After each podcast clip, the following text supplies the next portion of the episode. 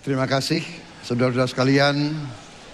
Kita harus selalu ingat bahwa kemerdekaan ini didapatkan melalui proses yang sangat panjang, perjuangan yang sangat panjang, berganti-ganti negara-negara lain datang menindas kita, merampas kita, dan ini adalah hukum sejarah manusia yang kuat akan menindas yang lemah. Kita bersyukur kita sudah bangun suatu negara yang memiliki demokrasi dengan segala kekurangannya.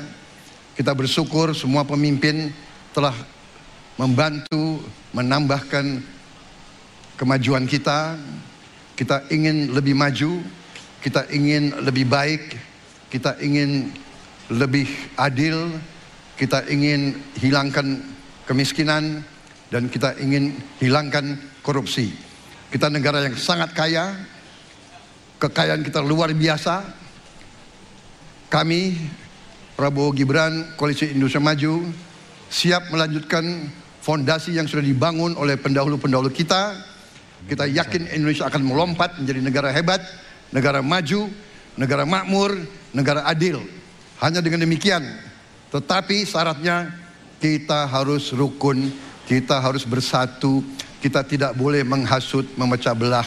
Kita tidak boleh, kita tidak boleh untuk kepentingan sesaat, untuk kepentingan jangka pendek, untuk kepentingan diri kita, kelompok kita, kita tidak boleh mengorbankan persatuan, kesatuan, kerukunan bangsa Indonesia.